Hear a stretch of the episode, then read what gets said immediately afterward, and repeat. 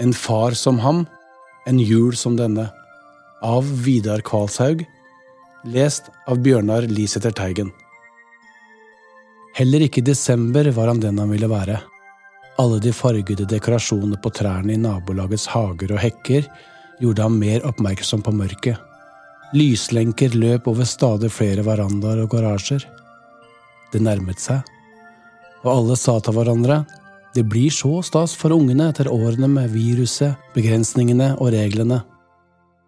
November hadde vekslet mellom tåke, regn og sprø blader på bakken. Adventsmåneden var en pytt som frøs til. Jørgen heftet seg med praktiske saker, som bruksanvisningen til en norgespakke liten, 35 ganger 25 ganger 12 fra kroner 70. Ville den rekke fram til julaften? Fristen var overskredet med god margin. Burde han bestille dørlevering i stedet? Eksisterer sånne tjenester der hun bor? Hvor ligger Solbakken i Molde? Det var så mye han ikke kunne om postgang etter den store omveltingen i posten siden hans barndom. Det var så mye han ikke visste om relasjoner og hva en far som han gjør oppunder jul for en datter som knapt venter noe lenger. Margrethe kunne se deler av sjøen fra den vesle balkongen utenfor morens soverom. Det hadde hun tatt bilde av med mobilen i sommer. Jørgen hadde kommentert den sinnssyke kjeden av fjell i bakgrunnen og sendt meldingen. Så satt han og vippet telefonen mellom fingrene. Svaret kom ikke. Det måtte være noe galt med abonnementet hennes. Hver gang han ringte, hørte han bipene helt ut og som endte i et stakkato automatisert stemme fra Telia. Drev hun med dans også i sin nye hjemby? Fingrene føltes ubrukelige over den brede teiprullen han hadde tatt med fra utstyrslageret på jobben. Jørgen holdt den opp mot underlyset over kjøkkenbenken for å prøve å finne skjøten. Uten den, uten den første hindringen, var det umulig å komme videre. Nå oppdaget han at hånden skalv. Jo mer han skrapte og krafset med neglene for å finne skjøten, jo verre ble det. Som mange familiefedre rett før jul befant han seg i en haug med glitterbånd, til- og fralapper, innpakningspapir, et solid glass rødvin og musikk på P7, julekanalen. Solveig leste Brødrene Løvehjerte for Adam. Gutten ville ikke ha noe annet. Ja, lær dem å dø, tenkte Jørgen nede i kjøkkenet. Men da han hørte den lave lyden av lesingen fra soverommet oppe, døren sto trolig åpen, stakk det en skjemmende følelse gjennom ham. Var det sjalusi? Ikke for at Solveig leste for Adam, men den som oppstår når du skjønner hva du har gått glipp av med ditt første barn. Her satt han med et brøl inni seg og leste om igjen at det er billigere å kjøpe norgespakke liten på nett, og at nærmeste post i butikk printer ut sendelappen når han vil sende. Han gispet etter luft fylte brystet med oksygen og slapp sakte ut. Gjorde det igjen. Grep vinglasset, satte det fra seg, mer oksygen, dro dypt inn, slapp. Pustet som et dyr nå, et uberegnelig dyr. Den ene armen skaket og skalv. Han grep bordkanten som når det spilte gris i hans egen barndom. Moren hans var den dyktigste avledet alle og kunne holde lenge i bordet før de oppdaget henne. Farens ansikt triumferte før han rakk å gripe bordkanten. De var gamle nå. Satt de der med juletradisjonene sine og pynten barna laget da de var små? Han hadde ikke snakket med dem på fem uker? Sju? Var han redd for at de ville spørre om barnebarna sine og Margretes julefeiring? Adams tegning som skulle inn i pakken, lå på kjøkkenbordet. Til Margrethe, sto det, helt oppe i venstre hjørne, som om barnet var redd for å kaste bort en eneste kvadratcentimeter papir. Men under huset, Snømann og månen var det plenty med plass.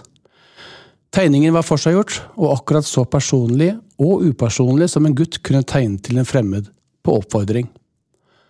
Når Solveig ikke var til stede, kunne faren si halvhøyt, forsøksvis henslengt, skal tro hva Margrethe gjør nå. Eller han kunne informere om at hun hadde skiftet instrument i korpset bare for å holde navnet hennes varmt i hjemmet. Jørgen visste det ikke sikkert. Han kunne nevne at det var snø i Molde for én gangs skyld, det hadde han sett i værappen, og han fortalte sønnen ting som var nesten sanne eller muligens korrekte, i alle fall var det gjort i god mening. Adam måtte ikke miste henne nå. Om ikke foreldrene ordnet opp i det foreldrene skulle klare, kunne kanskje to søsken finne en smidigere vei gjennom livet? Hvordan går det med pakken? spurte Solveig, som var kommet ned i kjøkkenet og grep rødvinsflasken etter halsen mellom to fingre. Hvor lenge hadde han bare sittet der og stirret framfor seg? Jeg vet hvor vanskelig dette er, sa hun. Jørgen responderte ikke. Tiden på året og, og alt. Når alle skal være så sammensveisede og, og lykkelige, prøvde hun. Skal vi legge ved et av disse gavekortene på tre måneder Amazon Prime som vi fikk i høst? Jørgen så inn på bordet, men ikke på noe spesielt. Amazon Prime er kanskje noe for den alderen? spurte Solveig. Kanskje det, sa han. Kanskje det. Du får ikke bli liten mann igjen. En sånn som får grandiose tanker om at alt plutselig er bra, bare fordi om du dukker opp. Takk, Solveig, burde han sagt. Takk for at du advarer meg med det mjukeste du har. Det skulle han sagt. Eller nikket, vist at han forsto, gitt henne en klem. Ikke bli sur nå, sa hun, men han svarte ikke. I tankene sto han med en fyllepistol i bilen rett før Lillehammer og så det hvite i liene, tenkte på postkortene med boblete snø på granene. Han satte hjulspor i den skrinne føyka på veien over Lesja. Himmelen var høy her, og det lå et lys vestpå, ei sol eller en måne som ble dimmet av et lag tåke ned Romsdalen. Det var dette han kunne. Å dra. Han avstemte stadig mot klokka i dashbordet, så seg selv på ferja fra Åfarnes, sto på det grønne dekket, som mose på skogbunnen, og som reflekterte et gult, skittent lys, og vanndråpene glitret. Er du her? spurte Solveig. Ja. Er du ferdig med pakken? Vi leverer den etter håndballen i morgen tidlig. Blir du med inn i stua? Er det mer igjen av vin? spurte Solveig, som fortsatt hadde den lave stemmen hun pleide å ha inn mot Adams legging. Juletreet var pent i år. Det var symmetrisk og hadde ikke behøvd å bli skamkappet for å komme under taket.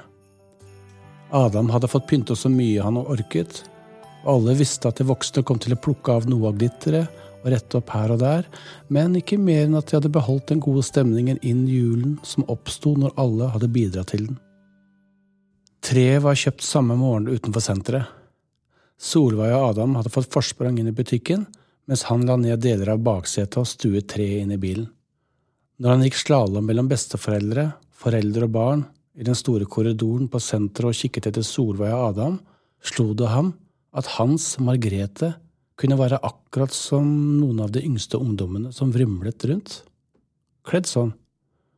Like støyende i gruppene de alltid gikk i, og uniformerte i ankelsokker, hvite joggesko og store, dyre boblejakker. I løpet av de neste skrittene fikk han stor trang til å stille seg i en av trappene opp mot andre etasje og rope så det gjallet. Vet dere at det er mange barn i Norge som ikke finnes i jula? Som vi ikke snakker om av frykt for å ødelegge stemningen? Nå, i sofaen med en Valpolicella, en kone, et pent tre og et sovende barn, var han nok en gang glad for å ha tøylet seg, klart å komme til fornuft før følelsene tok ham, hva noe sånt kunne være verdt på sikt. Raseriet og bebreidelsene kom stadig i kast over ham, men han våget ikke å tenke den tanken videre. Jørgen tillot seg ikke å forestille seg hvordan Margrethe i den andre enden kunne ha det i dagene før jul, og hva slags sinnegjemsel hun drev med. Vesle barnet.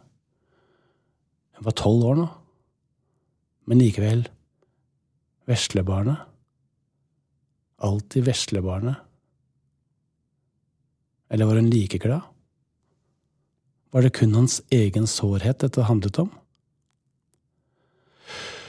Kan vi spille noe musikk som ikke er julemusikk? Tenkte akkurat på det samme, svarte Solveig, som bladde i listene på telefonen sin.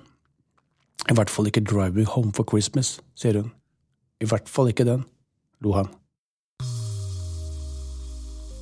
Du er på et bedre sted enn i fjor jul, sa hun.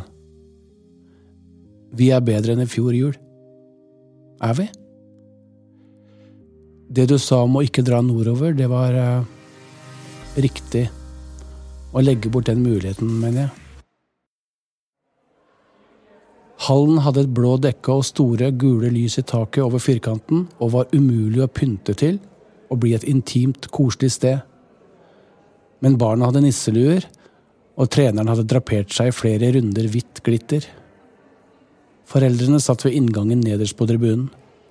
De kjøpte høyt priset kaffe, gløgg og flere bokser med dugnadspepperkaker til inntekt for idrettslaget. Barna var delt inn på stasjoner etter størrelse og ferdighet, som på en vanlig trening. Etterpå skulle det være kamp mot foreldrene. En kamp som alle visste utfallet av. Håndballen var Adams eneste fritidsaktivitet denne vinteren. Foreldrene stilte opp på alt det ble spurt om, fra sosialkomité til dugnadsaktiviteter, for drakter og en cup på nyåret. Sånn ble de kjent med hverandre, og idretten limte lokalsamfunnet enda mer sammen. Jørgen så seg rundt i hallen og oppdaget en kar bakerst på tribunen, i hjørnet. Det er ikke mange som stiller seg i de dårlig belyste hjørnene i idrettshaller. Kun de som ikke var en del av treffet, av fellesskapet. Mannen sto som et dyr i utkanten av en glenne og så ned på barna. Glidelåsen på jakken hans var dratt helt opp, og luen satt lavt i pannen, slik det ofte er for en som hutrer eller vil, eller vil gjemme seg. Jørgen grep en termos, to pappkopper og ruslet langsomt bortover for ikke å skremme. Hei, eh, jeg er faren til Adam. Skal det være litt kaffe? Ja takk, gjerne. Og hvem av barna er det som har deg med? Jeg er eh, Altså, det er Madeleine, drakt nummer tre. Hun med det lange, brune håret. Å ja. Men eh, jeg er egentlig ikke her. Du er ikke her? Nei, eh, det er litt komplisert, men med, med moren. Mer enn litt, egentlig, så, så du må være snill og ikke nevne det for noen. Kan du det? På det feltet har du en venn i meg. Og ja, jeg har en datter i Molde som jeg ikke treffer. Du forstår? Absolutt. Best om dere ikke sier noe til noen, egentlig. Ikke Madeleine heller. Det er derfor jeg står bak her. Det er litt mørkere. Mannen så opp mot raden av tribunelys som ikke var tent siden håndballgruppa bare brukte den ene delen av hallen. Han svelget. Adamseppel i halsen gikk opp og ned. Han smattet, dro pusten hardt inn gjennom nesen, som for å hindre noe å renne eller bryte ut i seg. Ikke jula heller? spurte Jørgen. Ikke denne jula heller. Jeg har lyst til å gi deg en klem og si at det går bra, men det gjør jo ikke det, sa mannen. Lover du å ha ei god jul som mulig? Ja. Du også? Mennene så på hverandre. Adams far grep en av dugnadsjulekakeboksene, stakk den til ham og betalte raskt fra sin egen mobil. Den hadde ligget på lydløs i jakkelomma. Jørgen så det var elleve anrop fra forskjellige nummer han ikke kjente et av dem et fastnummer, og tenkte faen, nå er det noe med de gamle, midt oppi jula og alt det andre. Da han snudde seg for å se, vinke eller gi et siste signal eller noe til en hemmelig venn, en Skybert, var mannen borte. Hvor blir slike menn av oppunder jul? tenkte Jørgen. Hvem var det du pratet med? spurte Solveig. Bare en jeg kjenner litt, men det er ringt veldig her. Se, elleve. Nei, tolv anrop nå. Kjenner du noen av disse numrene? Tror ikke det. Sjekk det inn om noen har ringt deg også. Min ligger visst igjen i bilen. Jeg la den på lading. Jørgen trakk et stykke unna gruppen, ringte fasttelefonnummeret og kom til en trykk stjerne- og velgsvarer hos politiet. Da trykket han på et av de andre numrene, vekslet noen ord og la på sprang mot utgangen. Neste dag spiste de sen hotellfrokost i taushet og kjørte bort til rekkehuset før de skulle handle klær og nødvendighetsartikler på forsikringsselskapets regning. Alle følte det luktet brann og ulykke av klærne de gikk i. Selv om bare en av dem hadde kastet seg i bilen og sett det siste av flammer bli slått ned. Ilden hadde bredt seg fra naboens hus gjennom garasjen og inn i deres rekkehus, men skallet sto. Adam spurte om det gikk an å gå inn og hente leker, og Brødrene Løvehjerte. Men faren la neven på skulderen hans og sa at vi kunne gå på bokhandelen og kjøpe en ny. Vil du det? En bil kjørte langsomt forbi på veien. Piggene tappet i underlaget. Kulden var hard og uten vind. Det kom ikke til å bli mer snø enn dette men det var allerede istopper ut fra verandaen i andre etasje og rundt der inngangsdøren hadde vært. Forsikringsselskapet hadde bestilt tildekking så snart nødetaten hadde vært inne og klarert stedet. Plenen ved oppkjørselen var tråkket kraftig ned. Noe var slept over den og hadde laget dype spor. Det lå et teppe av fin sot og klumper av brent tre, brun stein og takpapp innenfor sperringene det så ut som det gjør på idrettsplassen morgenen etter en hard nyttårsfeiring. Jeg vil ha lekene mine, sa Adam. Du skal få leker, sa faren. Situasjonen virket så underlig kjent, selv om han skulle kunne holde lovnaden om Brødrene Løvehjerte-boka. Der sto han nok en gang med ett av sine barn og stirret inn i noe svidd og ødelagt to dager før julaften. De skiftet fra innerst til ytterst i prøverommene. Alle tre viste seg for hverandre. Litt stive. Sjenerte. Jørgen forklarte betjeningen at de var berørt av brannen de sikkert hadde lest om allerede, og følte at de to unge jentene bak disken var så medfølende de kunne. Hvor gamle var de? 17? 20? Han tenkte på Margrethe om ikke lenge var hun som dem. Lørdagsjobb, ekstrajobb, den første løsrivelsen.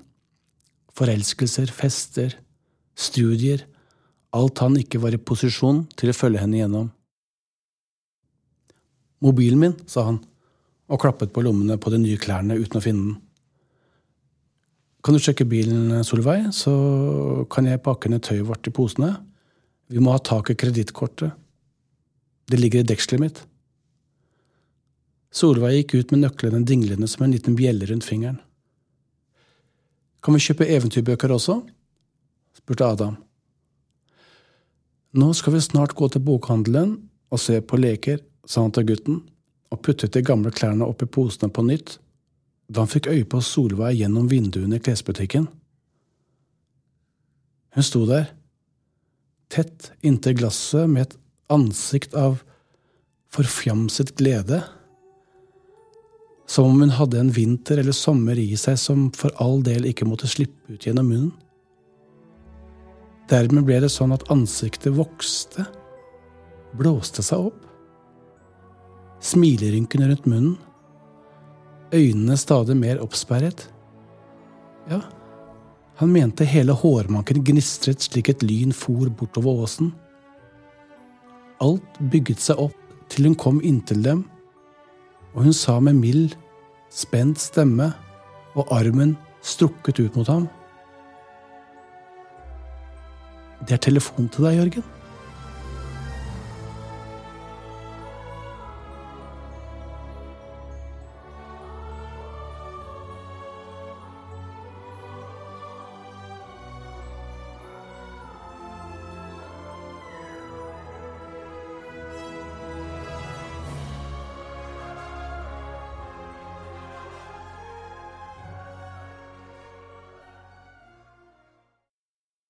Jeg ringer bare for å si at jeg elsker deg, av Endre Ruseth. Jeg ringer bare for å si at jeg elsker deg. Ingen nyttårsaften å feire. Ingen sjokoladehjerte å gi i presang, ingen vårdag, ingen sang, ingen armslag, bare hverdag. Ingen regndråper som fell så mjukt som katt, ingen bryllup i ei lys midtsommernatt. Men det gjev deg, gror og gror, ei setning lagd av tre små ord. For det ringer der ute i kiosken. Du kan gå dit herfra steg for steg, når du svarer i den telefonen, er det jeg som sier jeg elsker deg. Ingen sommer som fredfull søv, ingen haustmåne i nettene som glør, ingen haustbris fallende lauv. Sjøl ikke fuglene finn tid å dra mot sør. Ingen stjerneblome rød, ingen julaftan med stille flak av snø. Men det jeg har, er tre små ord. eg planter deg i hjertet ditt som frø for det ringer der ute i kiosken. Du kan gå hit herfra steg for steg. Når du svarer i den telefonen, er det jeg som sier jeg elsker deg.